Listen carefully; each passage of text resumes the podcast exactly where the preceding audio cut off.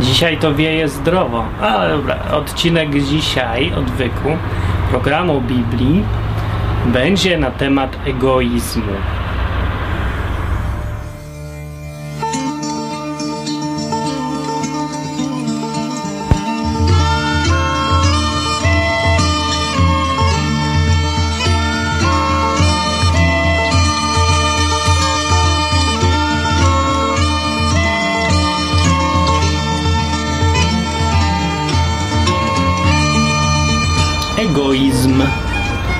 Albo egocentryzm.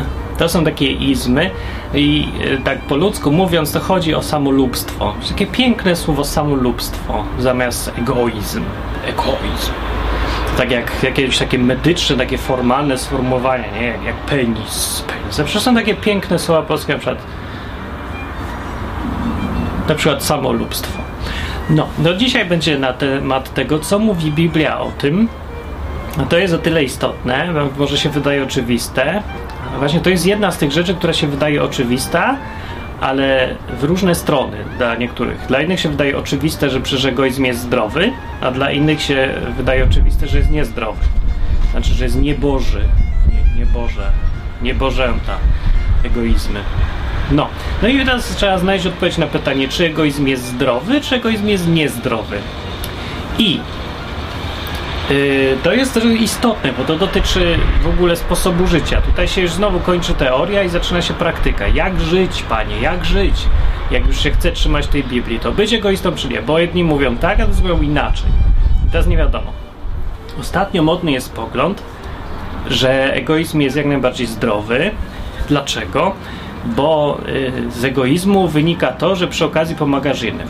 Że ogólnie to się bierze z przedsiębiorczości, nie? Y, jakby był wolny rynek, to by to wyglądało tak, to taki argument w uproszczeniu jest trochę, ale mniej więcej działa. I wygląda tak, że ponieważ jesteś egoistą i chcesz zarobić, mieć dużo pieniędzy i robić sobie dobrze, i swojej rodzinie też robić dobrze, y, i dobrym dotykiem dotykać życie swoje oraz swoich bliskich, i dotyka, dotykać się i żeby... Dobra. No więc y, ponieważ to chcesz, jesteś egoistą, to myślisz, jak tu zarobić pieniądze. I z tego egoizmu wynika to, że myślisz, a no muszę coś zrobić, żeby ludzie kupili, więc myślisz, zrobię piekarnię i zrobię super bułeczki. I wysyłasz, e, no i zbiera pieniądze, robisz piekarnię, zatrudniasz ludzi, robisz bułeczki, sprzedajesz bułeczki, jesteś bogaty. I nagle się okazuje, że przy okazji tego swojego egoizmu, jako jedyne dążenie, pamiętaj, egoizm twój był jedyna motywacja tego wszystkiego. Chciałeś być bogaty, nie? No i teraz, skutkiem tego nagle się okazuje, że ileś ludzi ma pracę, że przede wszystkim setki ludzi albo tysiące mają najlepsze na świecie bułeczki, super świeże, zawsze dobre, nie? Że są zadowoleni w życiu. Zrobiłeś dobrze, tylu ludziom. I, i co do tego doprowadziło? Egoizm. Egoizm, a nie żadne tam szukanie, jak tu pomóc innym. Argumentem drugim jest takim, że e, zamiast egoizmu, jeżeli chcesz być takim altruistą, nie myśleć o sobie, to efekt jest odwrotny. Bo myślisz sobie, chcę pomóc biednym, więc co robisz, żeby pomóc biednym? No, muszę zebrać pieniądze, to zabiorę komuś, bo sam nie tyle, żeby naprawić cały świat. No to zabierasz tym przedsiębiorcom, co robią te bułeczki i tym innym ludziom, co w ogóle coś robią, no bo oni mają, bo coś robią, a i rozdajesz tym, co nic nie robią. Jaki jest efekt? Ostatecznie jest taki, że ty masz poczucie, że nie byłeś egoistą, tylko pomagałeś innym. To fajne, że fajnie, że masz poczucie, ale to jesteś jedynym, który coś fajnego z tego ma. Bo ci, którzy, którym musiałeś pozabierać, nie cieszą się specjalnie z tego, e, no bo właśnie to ich egoizm cierpi. Oni byli egoistami, chcieli zarabiać, a tu nie mogą zarabiać. E, no ale to, że ich obciążasz za bardzo, to spowoduje, że przecież nie będą dalej ciągnąć interesu i zwolnią ileś ludzi i nie będzie tyle dobrych bułeczek, albo będą za drogie, albo nie będą takie ciepłe. Jakoś się to odbije, nie? No i ogólnie ludzie będą niezadowoleni. Zrobisz gorzej na świecie niż jest. No ale, ale warto dla tego, kogo, komu rozdałeś. Żeby uratować jednego człowieka, warto zabić cały świat, nie? Coś takiego. No, nie za bardzo, nie warto, myślę. No i ty, ci, którym pomogłeś, przeważnie utrwalasz ich biedę, bo największy problem e, z biedą polega na tym, że płacisz ludziom za to, żeby byli biedni. Nie? Więc właśnie robisz wszystko, żeby dalej byli biedni. Jak rozdajesz im i po prostu im rozdajesz, żeby mieli, a macie tutaj, no to innych nagradzasz za to, że są biedni. No. Nie mają żadnego powodu, żeby przestać być biednymi, wręcz przeciwnie. Wszyscy ich zachęcają, żeby byli zawsze biedni. No i zawsze biedni będą. Zwykle tak to działa na świecie. Jak to mówił Jezus, że komu kto ma, temu jeszcze więcej będzie dane, a kto nie ma, to się mu zabierze jeszcze te resztki, co ma. No i to tak działa. Ogólnie więc, to jest całkiem silny argument za tym, żeby być egoistą, francowatym i myśleć tylko o sobie. Bo skutkiem ubocznym tego jest, że pomagasz innym. Dużo bardziej niż pomogłeś sobie właściwie. Coś w tym jest, trzeba przyznać. Tylko, że to myślenie jest jakieś. Wydaje mi się, coś tu jest nie tak. Nie, nie za bardzo się wyczuwa co, ale coś tu jest nie tak, no. Że bez jaj. No bez jaj. Że wychodzi na to, że y, zmieniamy się w społeczeństwo samych egoistów i ma to by mieć dobry skutek. No nie za bardzo, po prostu akurat ta argumentacja pokazuje to, co chce, to, co widzi sama. To jest znowu selektywne takie myślenie, bo nie widzimy innych skutków bycia egoistą. Na przykład takim, że zobaczcie sobie, jak samochodami ludzie jeżdżą do pracy. Ile ludzi siedzi w samochodzie? Jedna. A ile jest miejsc? Pięć. Ale nikt się nie dogada z drugim, żeby pojechać razem jednym samochodem. Albo jak się ludzie, sąsiedzi w jednym bloku mieszkają przez 5 lat i nikt nikogo nie zna. Miałem się na ulicy i nic, nikt nie powie a w ogóle jak się ludzie traktują. Każdy sam. W Polsce jest nieprawdopodobnie duży odsetek mieszkań, e, nie o mieszkań, osiedli odgrodzonych od świata. To jest jakiś fenomen polski, w ogóle Warszawy głównie, na Wilanowie w szczególności, jest najbardziej słynne osiedle z tego, że tam są po prostu jakieś oddzielne państwa. No niedługo się skończy tak, że trzeba będzie paszport kupić, żeby iść odwiedzić człowieka, co tam mieszka na takim osiedlu. Skąd się to bierze? Egoizm. no to jest skutek, e, jeden skutek ze skutków tego właśnie nastawienia egoistycznego, którego akurat zauważyć nie chcemy, ale on jest dookoła nas. Więc tak, pewnie, że z egoizmu e, w warunkach wolnego rynku płynie to, że człowiek jest chciwy, chce zarabiać i skutkiem ubocznym pomaga innym więcej niż właściwie sobie samemu. Tak, tylko że teraz jest kupa negatywnych stron tego i one są chyba ważniejsze. Bo fajnie, że, że, będziemy żyć ostatecznie w bogatym społeczeństwie i będziemy mieć super bułeczki, ale nikt z nikim nie będzie gadać, nikt nie będzie się z nikim dogadywać, każdy się zamknie w, so, w swoim ten. I życie się stanie nudne, smętne. Będziemy patrzeć dookoła na wszystkich jak na wrogów i przestaniemy mieć kontakt z ludźmi. Po prostu takie myślenie o sobie tak się kończy. Wa rzeczy niematerialne są zwykle ważniejsze od rzeczy materialnych. Tutaj też nie bierze się tego pod uwagę, jak się myśli o tym egoizmie. Czy egoizm ważniejszy jest, mm, czy egoizm, pytanie ważniejsze jest nie takie, czy egoizm doprowadzi nas do bogactwa. Pytanie jest, czy egoizm pozwoli nam, doprowadzi nas do szczęścia. O, o, tak to sformułuję. Bogactwo tak, pewnie doprowadzi, ale do szczęścia nie za bardzo. Yy, taka postawa nie za bardzo się kończy tym, że człowiek jest szczęśliwy, na to wychodzi. Mm, więc człowiek tak odruchowo trochę wie i szuka sobie, na co by tu wydawać pieniądze. Przeważnie wydaje na e, panienki, na dzieci, na rodzinę i na zabawki swoje, różne hobby, nie hobby, motory kupuje, nie, bo musi coś zrobić z bogactwem. To taka trochę przykra sprawa, bo to jest taki schemat. Człowiek najpierw myśli o sobie przeraźliwie dużo, że chce być bogaty, chce być bogaty i potem sobie dorabia teorię bo chce utrzymać rodzinę, bo chce dzieciom zapewnić mieszkanie. No, niektórzy mówią, że to nie jest dorabianie teorii, tylko naprawdę to go motywuje. E, e, coś mi, nie wciskajcie mi tu ludzie kitu. Czy ktoś zapytał te dzieci, czy chcą iść na drogie studia? Czy ktoś zapytał w ogóle dziecko, czy chce mieć super mieszkanie? Czy może woli wynajmować? Czy w ogóle się chce wyprowadzić? Nikt nigdy nie pyta tych dzieci. Nikt. Zawsze człowiek chce zarabiać, mieć kupę pieniędzy, bo chce, żeby to jego traktowali z szacunkiem. O, to jest wielki ojciec rodziny, dał nam na bogate studia i mieszkanie, nam dał po trzy samochody, mamy wszyscy szacun wielki, kłaniamy się nisko tacie. To chce tata o sobie myśli, nie o dzieciach. On chce, żeby go hołdem obdarzył, on chce być Bogiem dla wszystkich. To jest egoizm czysty. Nie żadne tam dzieci, żeby było. Moje dzieci nie będą nigdy coś tam, tak jak ja. A co, dlaczego nie? Byś zadowolony? E, w ogóle jeszcze większy paradoks obnażający prawdziwe motywacje tych ludzi jest taki, że oni e, żyjąc trudno, jakoś tak z tymi przeciwnościami życiowymi, oni byli bardzo szczęśliwi w tym wszystkim. Nie? Mieli mało i co, brakowało im? Że znam kupę ludzi, co byli na studiach i tak się męczyli przez te studia, mieszkali w akademików, pięć osób i cały czas o tym opowiadają. Śmie uśmiech na gębie potąd, że żyli w takich ciężkich warunkach, dobrze to wspominają i było super. A potem co robią? No chcą, żeby dzieci nie miały tak strasznego życia jak oni. W związku z tym idą i myślą egoistycznie o tym, że jak tu im zapewnić, żeby miały życie, które odwrotne do tego, które mnie uczyniło szczęśliwym. Żeby mieli bogato. No taka pułapka jakaś jest. No, E, w drugą stronę to też tak wygląda. Są ludzie, co żyli w bogactwach i cały czas byli jacyś tacy życie jakieś takie nudne, mierne, wszystko gotowe, nic się nie dzieje, wszyscy tacy są jacyś małoludzcy dookoła, nie? I tak przeżyli całą młodość i studia i pracę pierwszą i wszystko, a potem chcą dzieciom dać, zapewnić to samo. Y, nie biorąc pod uwagę, że oni byli nieszczęśliwi właściwie w tym swoim życiu.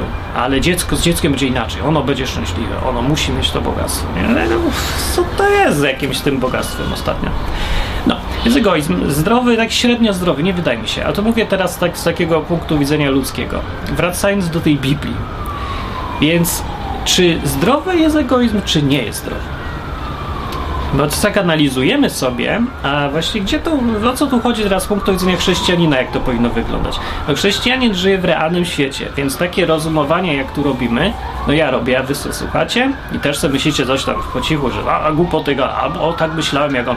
No, to takie rozumowanie, no ma sens, no bo żyjemy w realnym świecie, jakoś trzeba żyć. Jak? Teraz pytanie jest.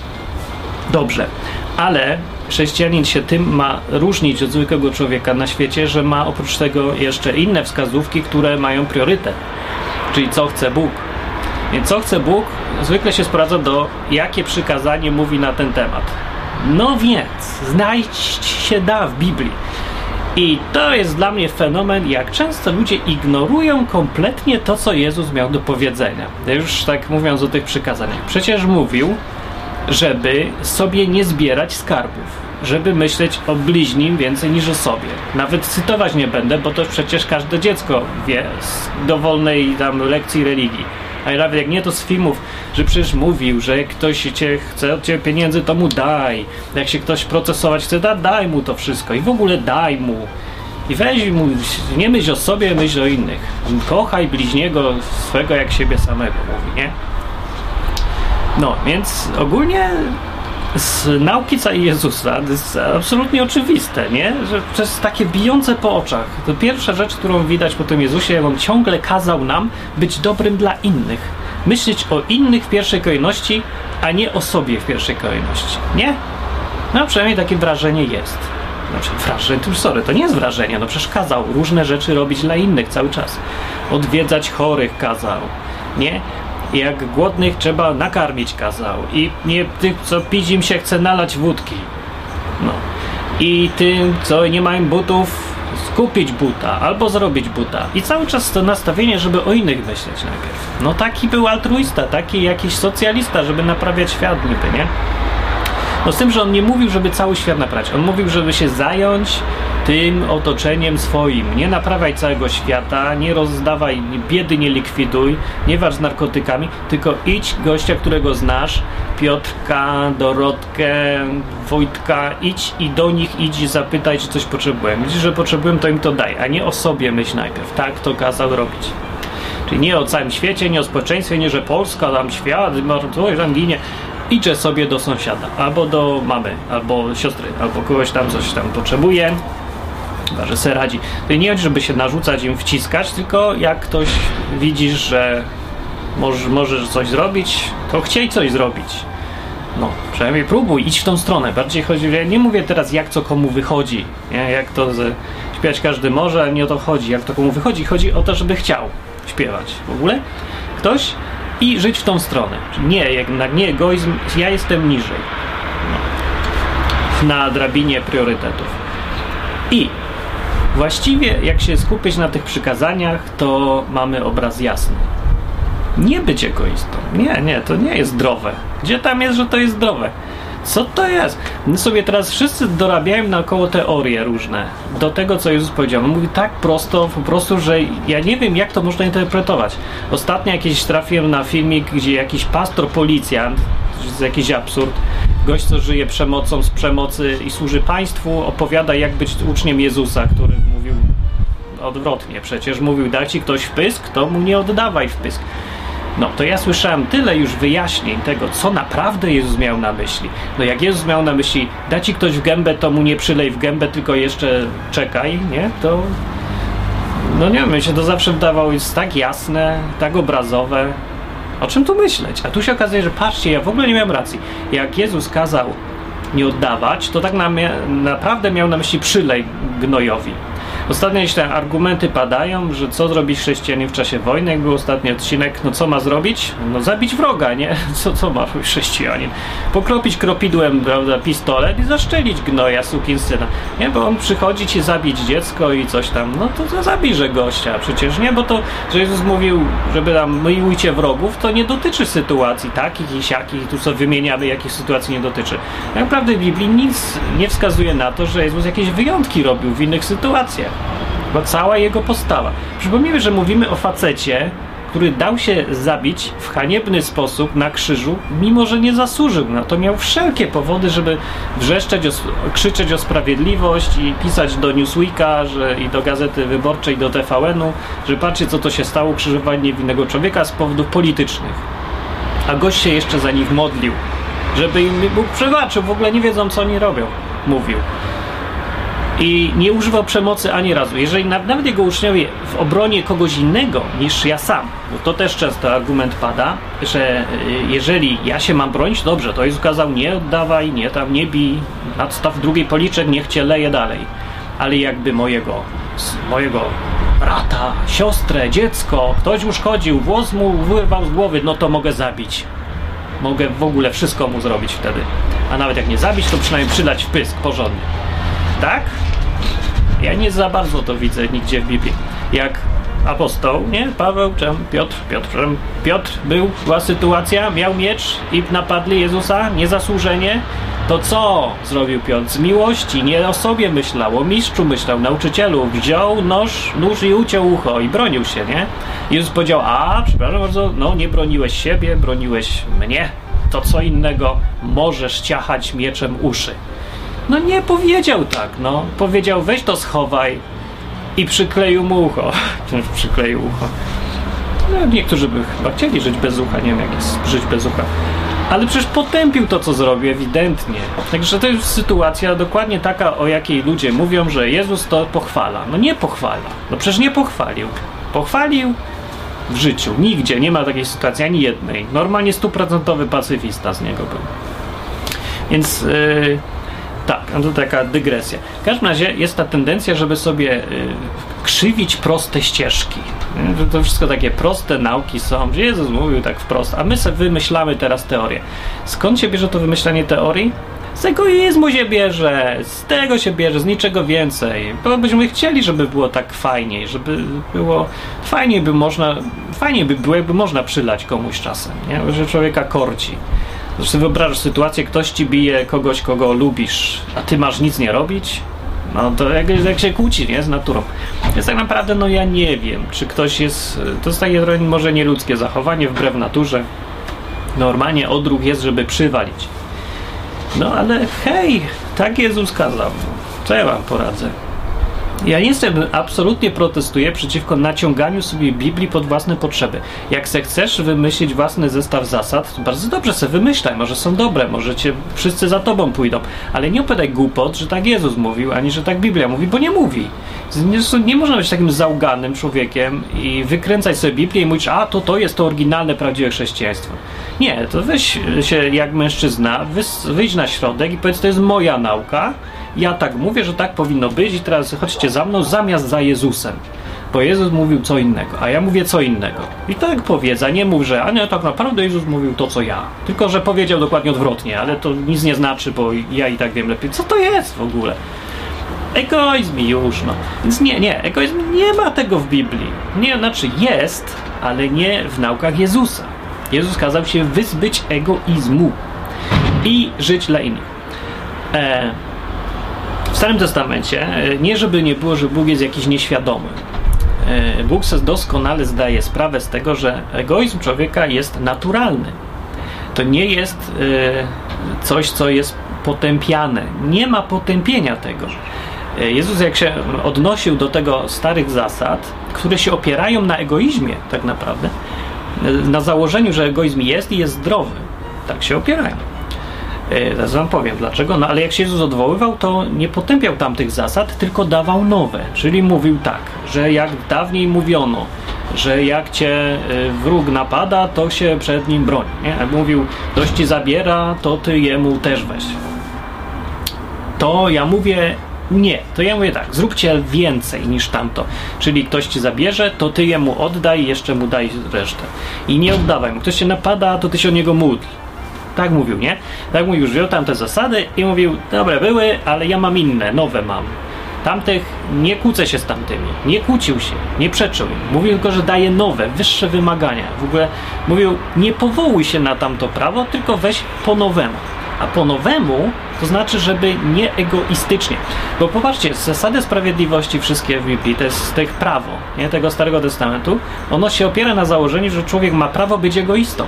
Czyli ma prawo do własności, ma prawo mieć swoje. I dlatego jak ktoś cię okrada, to robi to bezprawnie, wbrew twojemu prawu i dlatego ty masz teraz prawo mu to zabrać i ukarać i tak dalej. Ktoś cię zabija, ale ty masz prawo żyć, więc to jest znowu, należy mu się też śmierć, nie? Masz prawo, żeby cię nie gwałcili, nie wyzywali i tak dalej. A ojciec ma prawo do szacunku i matka ma prawo do szacunku, też to było, nie? A nie żeby synuś bluzgał na tatę, albo coś tam. No, no właśnie. Yy, więc tamte zasady, te zasady Starego Testamentu, yy, biblijne, Boga zasady, się opierają na założeniu, egoizm, że człowiek jest egoistą i ma prawo być. Więc mamy odpowiedź na pytanie, egoizm, czy akceptuje Biblia egoizm? Akceptuje. Akceptuje w takim ogólnym y, sposobie życia, takim sprawiedliwym, nie? tym starotestamentowym ciągle mówię. Bardzo dobre zasady. Uważam, w ogóle się państwo, o ile istnieje, tak powinien w ogóle istnieć taki twór, to powinno się opierać na takich zasadach, bo one umożliwiają życie y, wszystkim we społeczeństwie, bez konieczności zmuszania ich, żeby nie byli egoistami. Bo człowiek ma prawo być egoistą, powtarzam jeszcze raz. Gdyby nie miał prawa, to by nie było zasad takich, że yy, na przykład kto cię okradnie, to robi to bezprawnie i masz prawo mu zabrać to, co ci ukradł i ukarać go. Jeszcze on ma oddać.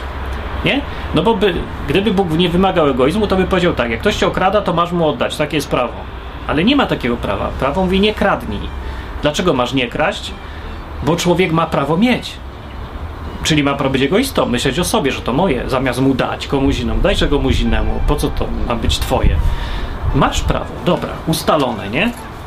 I teraz wam mówię, ale Jezusa zasady są inne. I tu przebiega różnica wyraźna między starym podejściem do Boga, co się nazywa Starym Testamentem w skrócie, i nowym, tym co dał Jezus. Niestety, jak już to mówiłem wiele razy, ludzie w Polsce nie mają bladego pojęcia, na czym polega chrześcijaństwo i czym się różni od religii takiej typowej religii, która religia zawsze się opiera na tym, że egoizm człowiek ma do tego prawo. W związku z tym są zasady.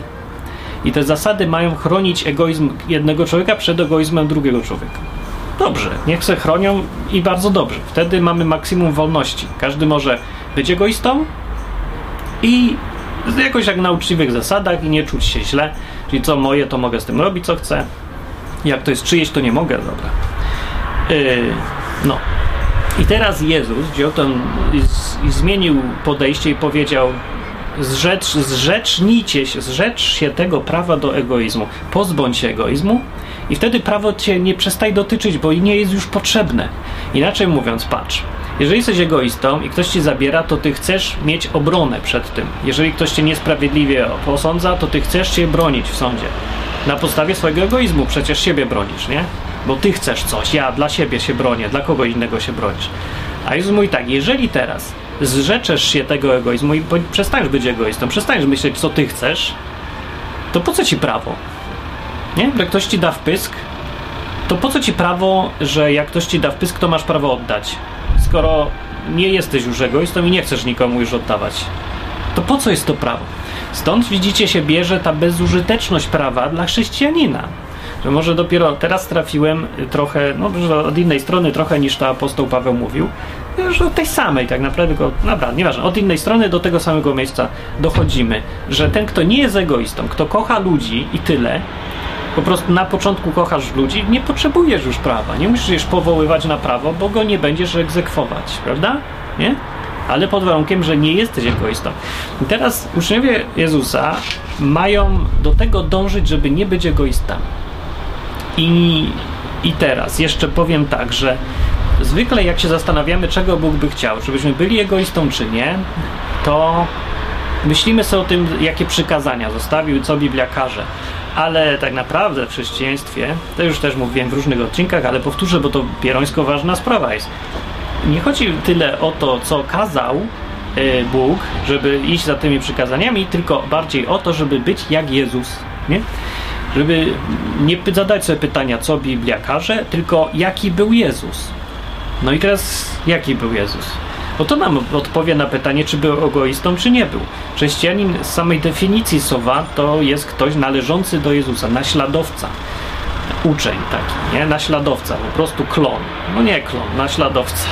I ten naśladowca ma być taki jak Jezus. Do tego dążyć, żeby tak się zachowywać jak on. No to popatrz, co robił Jezus. Czy on był egoistyczny? Czy on se domu szukał? To, co my robimy, nie? Że zbieramy na mieszkanie, samochód kupujemy i tak dalej. No myślisz o sobie. A jak nie o sobie, to mówisz o swojej rodzinie. Tak, tak, tak. No ja wiem. Tak, na pewno.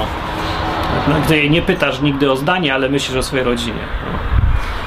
E, w każdym razie no nie tak robił. W ogóle nie myślał o sobie. Myślał cały czas o innych. Ten najbardziej skrajna sytuacja była jak wziął i usnął w łódce na morzu.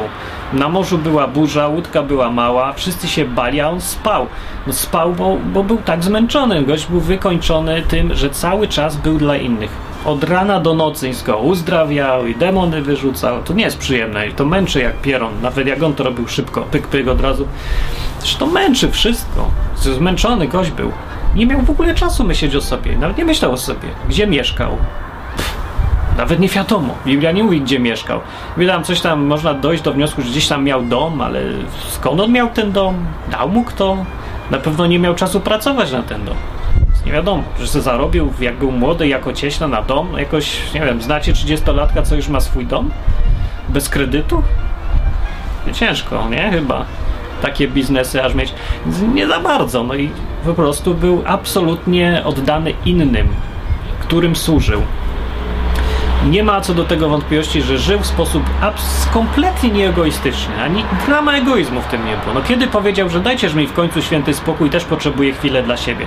Nigdy tak nikomu nie mówił. Co chwilę do niego przyłazili, nawet ci, co nawet już nie powinni przyłazić, bo on chodził tylko po Izraelu. To jeszcze spoza Izraela przychodzili i on już mówił, no przyszedłem do tych z Izraela, dajcież mi spokój. Nie mówił właśnie dajcież mi spokój, ale wziął i uzdrowił też, no. Wszystkich uzdrowił. Rzymian uzdrowił. Kto do niego przyszedł, to miał coś załatwione. Nie od odrzucał nikogo. To pokazywał, jak żyć no, w ten sposób. E, jak chciał mieć czas dla siebie, no to kiedy miał? Jak wszyscy spali. Nikt nie był już, nikt nic od niego nie chciał, to tylko wtedy miał czas. Więc w nocy chodził na tą swoją górę, tam sobie siedział, odpoczywał po prostu i się modlił. Biblia mówi, że się modlił, no ale no modlił się, ale też i odpoczywał, jak to człowiek, przecież musi. To nie tylko odpoczywa człowiek jak śpi, musi tak odpocząć inaczej trochę, tak, pobyć sam, nie? Mentalnie odpoczywał sam. No w nocy jak spali, żeby nie wyspany też, dlatego spał potem na łódkach, czy gdzie tam tylko mógł. W każdym razie to jest to życie nieegoistyczne, do którego my dążyć mamy, a więc szukanie zamiast o, gdyby ci ludzie, co tak usprawiedliwiają ten egoizm, że to z niego tyle dobrych rzeczy płynie, gdyby wzięli i zamiast tyle wysiłku wkładać w szukanie sobie teorii, dorabianie teorii usprawiedliwiających to, że mogą coś o sobie myśleć, a więcej o tym, e, żeby się po prostu starać być jak Jezus, to by był lepszy skutek, myślę, tego wszystkiego i dla nich samych też. Bo egoizm to jest obciążenie straszne. To jest ten nasz balast. No nie wiem, jak to ktoś musi próbować żyć tak i tak, żeby widzieć różnice, ale więc to się tak nie da wytłumaczyć chyba słowami, tylko trzeba poczuć samemu. Inaczej się żyje.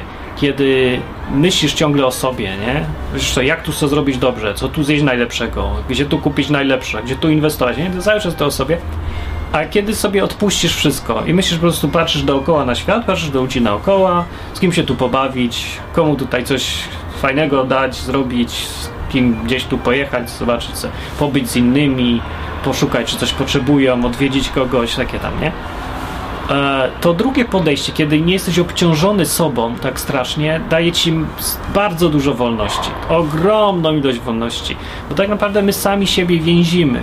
To, że człowiek jest tu sam i boi się o siebie tak bardzo, to go zniewala straszliwie. Siedzisz w takiej klatce i myśl o sobie, bo muszę. No muszę, nikt o mnie nie pomyśli.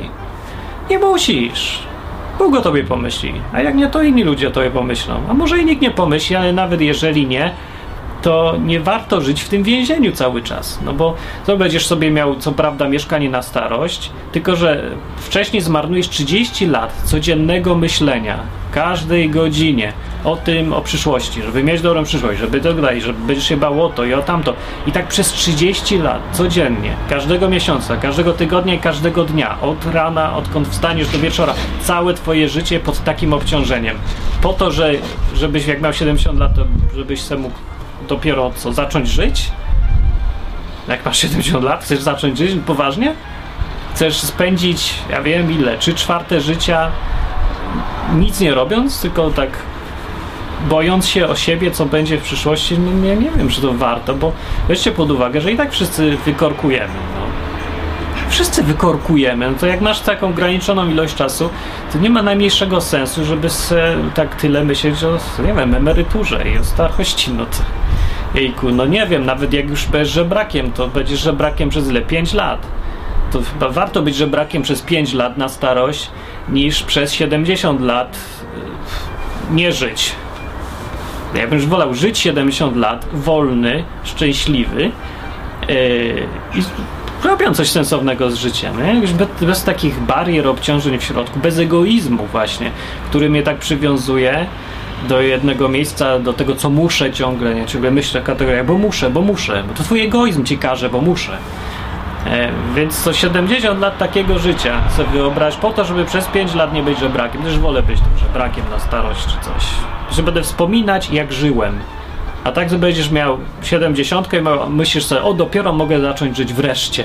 Co za ulga, już się nie muszę o nic martwić. Tak, na pewno.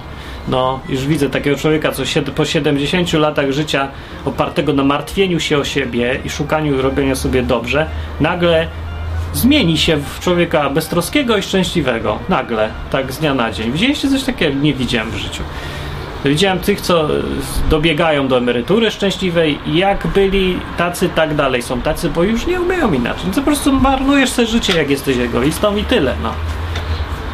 Yy, marnujesz jak marnujesz, no coś tam sobie pożyjesz, ale po prostu jest pod takim obciążeniem żyć, nie, nie warto, ten egoizm nie jest, to jest przeceniana jednak rzecz. Jest, to, ja wiem, to się wydaje trochę nienaturalne. To jest nienaturalne, bardzo nienaturalne. Jezus nie kazał, to nie był jakiś maniak natury, to nie, on nie był w partii zielonych, no kazał się robić coś wbrew naturze, kupę rzeczy. Jak ktoś ci da wpysk, a ty nie oddajesz, to jest nienaturalne przecież, wbrew naturze. No, Kościół katolicki powinien potępiać no chyba nawet potępia, bo pamiętam, widziałem takie zdjęcie biskupów, co błogosławią karabin. Ostatnio widziałem zdjęcie jednego tam kościelnika, co z Hitlerem gadał i robił tak ręką. Też jakoś sobie to wszystko wytłumaczyli, nie? Dobra, ale co do egoizmu. No to jeszcze powiem o skrajnościach, bo yy, jest Według mnie nie mam żadnej wątpliwości, że życie z Jezusem e, jest oparte na założeniu, żeby walczyć z własnym egoizmem. Wykreślać go, żeby go przestać być egoistą. To ma być gdzieś na końcu, nie na początku. No, tak, tak, dobra, jest taka zasada. A teraz, jeżeli tylko przychodzi do realizacji, to ostatnią rzecz tutaj, którą powiem, to jest taka pułapka, kiedy. Yy, za nie, za nie egoistujesz się na śmierć i się nie przydasz już innym do niczego. Albo inaczej mówiąc, możesz, jak robisz coś dla innych, to wyciskasz, wyciskasz z siebie soki, nie? I rozdajesz te soki innym. I te soki się tam odnawiają i dajesz ich, wyciskasz, rozdajesz innym. Ale w którymś momencie możesz przegiąć i wyciśniesz się tak, że już nic z ciebie nie zostanie. albo stracisz już siłę i ochotę, żeby coś robić dla innych, albo zwyczajnie będziesz chory, bo się zapracujesz na śmierć, zachorujesz, albo będziesz żyć tak nieprzytomny, bo będziesz latać od szpitala do tutaj pomocy dla koleżanki, do kogoś tam zadanie domowe, a tutaj za darmo angielskiego uczę, tu coś tam. I już zaspany jechał samochodem, pierdykniesz w drzewo się skończy. I co będzie wtedy? No więcej się nie przydasz nikomu. Więc po prostu, jeżeli chodzi o to, na ile się, jak realizować ten cel, nie? żeby być dla innych, a nie być egoistą, to w trakcie realizacji dochodzisz do wniosku, że musisz być egoistą. No musisz być egoistą, bo jak nie pomyślisz o sobie jako in, najważniejszym e, dobrodziejstwie tej całej firmy twojej, nie? Ze swojej osobie, to po prostu stracisz tą krowę. To jest tak jakbyś, wiesz, wdoił krowę, aż krowa umrze. Ty jesteś tą krową i ludzie z ciebie piją, przysysają się do cycka.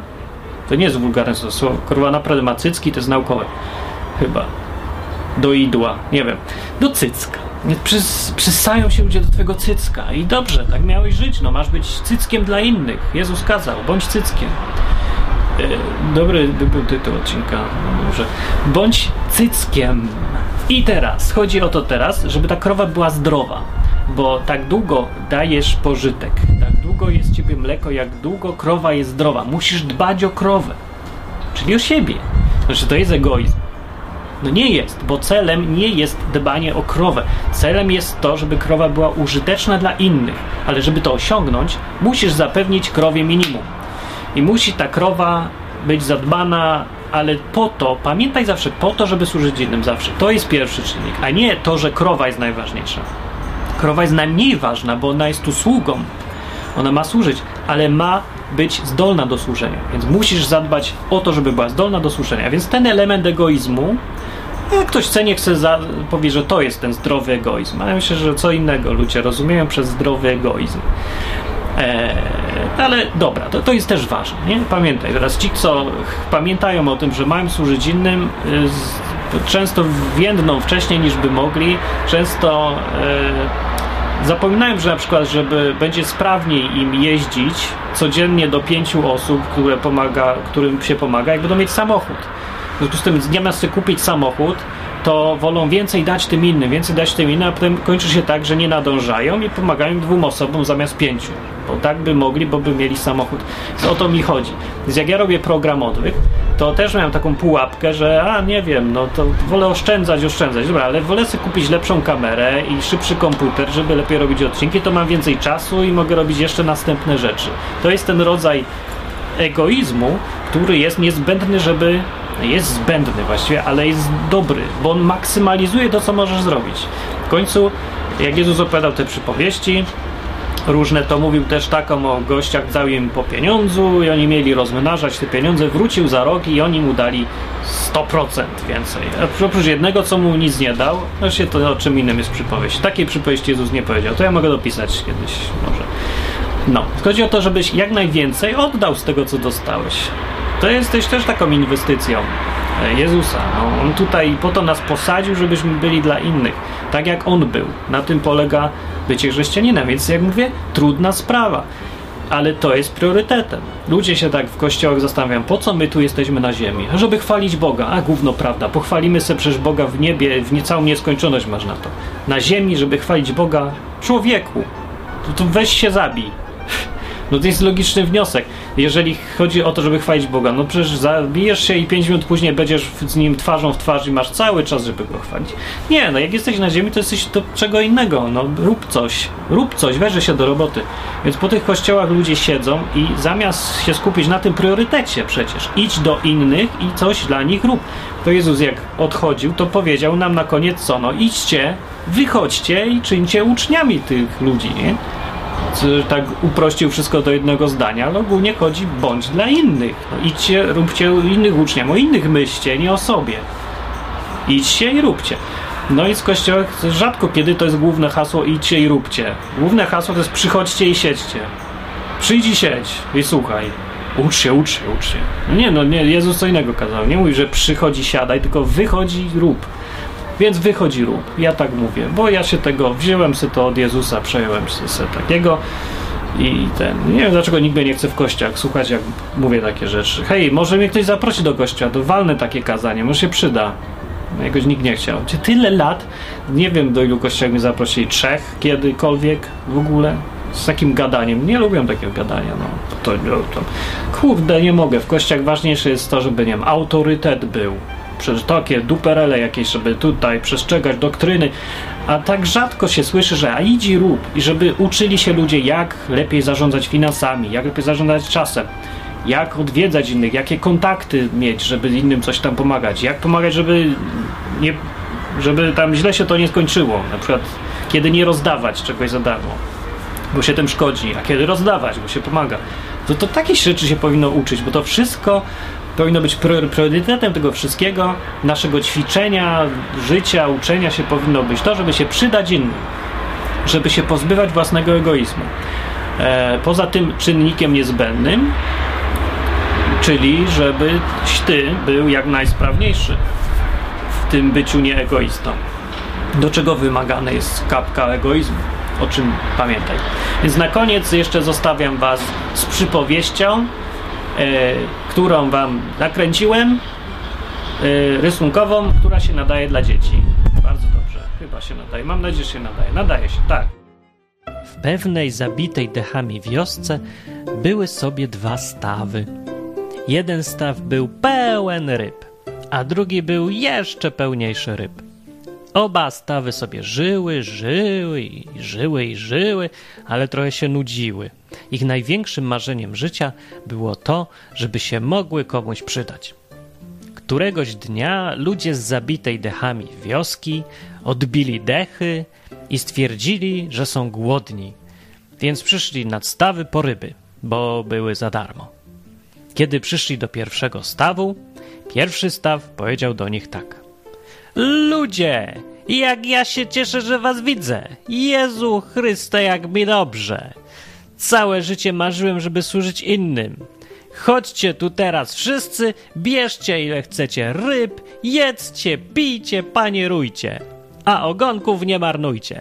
Tylko dajcie kotu, jak sami nie chcecie jeść na przykład, albo psu. Ludzie więc łowili, jedli i panierowali i byli bardzo zadowoleni, bo w tamtych czasach ryby były bez ości. Inni ludzie przyszli do drugiego stawu, a kiedy przyszli, drugi staw powiedział do nich tak: Ludzie, jak ja się cieszę, że was widzę! Całe życie marzyłem, żeby służyć innym i wreszcie mogę! Chodźcie tu teraz wszyscy, mali i duzi, chudzi i grubi i ustalimy zasady. E, co? Zasady? My nie chcemy zasad, powiedzieli ludzie. Nie? No dobra, to tylko jedna zasada. Możecie sobie brać ryb ile chcecie, ale najpierw to ja muszę mieć swoją porcję. O, tutaj będzie moja porcja rybek i tej porcji nie wolno nikomu łowić. Możecie łowić pozostałe, ale co moje, to je moje i tego proszę mi nie ruszać. Okej, okay. ale dlaczego? Dlaczego? pytali ludzie. Co dlaczego? Jak dlaczego? Bo to są moje ryby i już. Więc ludzie się oburzyli i powiedzieli, gdzie sobie drugi staw może wsadzić swoje ryby. A do pierwszego stawu mówili miłe rzeczy, bo był hojny i dał im tyle ryb, ile chcieli a na drugi staw fukali, bo był francowatym egoistą, który dba najpierw o siebie, a potem o innych. Mijały lata. Ludzie żyli, chodzili, łowili, śpiewali, chlali, tańczyli, panierowali i jedli. Stawy były szczęśliwe, że mogą służyć ludziom, a ludzie byli szczęśliwi, że mogą jeść filety i sałatki z tuńczyka i małe dzikie szprotki i szczypaki. Po roku łowienia w pierwszym stawie była połowa ryb. Po dwóch latach trzeba było siedzieć dwie godziny, żeby złowić cokolwiek. Po trzech zostały już tylko kijanki i wodorosty, więc nikt już tam nie chodził nad staw, tylko Japończycy, żeby sobie nałowić wodorostów i zrobić sushi. A w drugim stawie były ryby w pierwszym roku, i były ryby w drugim roku, i były ryby w trzecim roku, i w ogóle zawsze były ryby. bo staw nie pozwolił ludziom wyłowić wszystkiego do końca, bo był francowatym egoistą, co dba najpierw o siebie, a potem o innych. Ale dzięki temu zawsze było w stawie tyle rybek, że się mogły rozmnażać i staw mógł być zawsze pełny. Który z tych stawów był lepszym sługą? Ten, który był hojny? Czy ten, który był francowatym egoistą, co dba najpierw o siebie, a potem o innych? Odpowiedzi prosimy wysłać na adres Martin to francowaty egoista małpa odwyk.com wraz z hojnymi datkami na kolejne przypowieści oraz piwo. Dobranoc.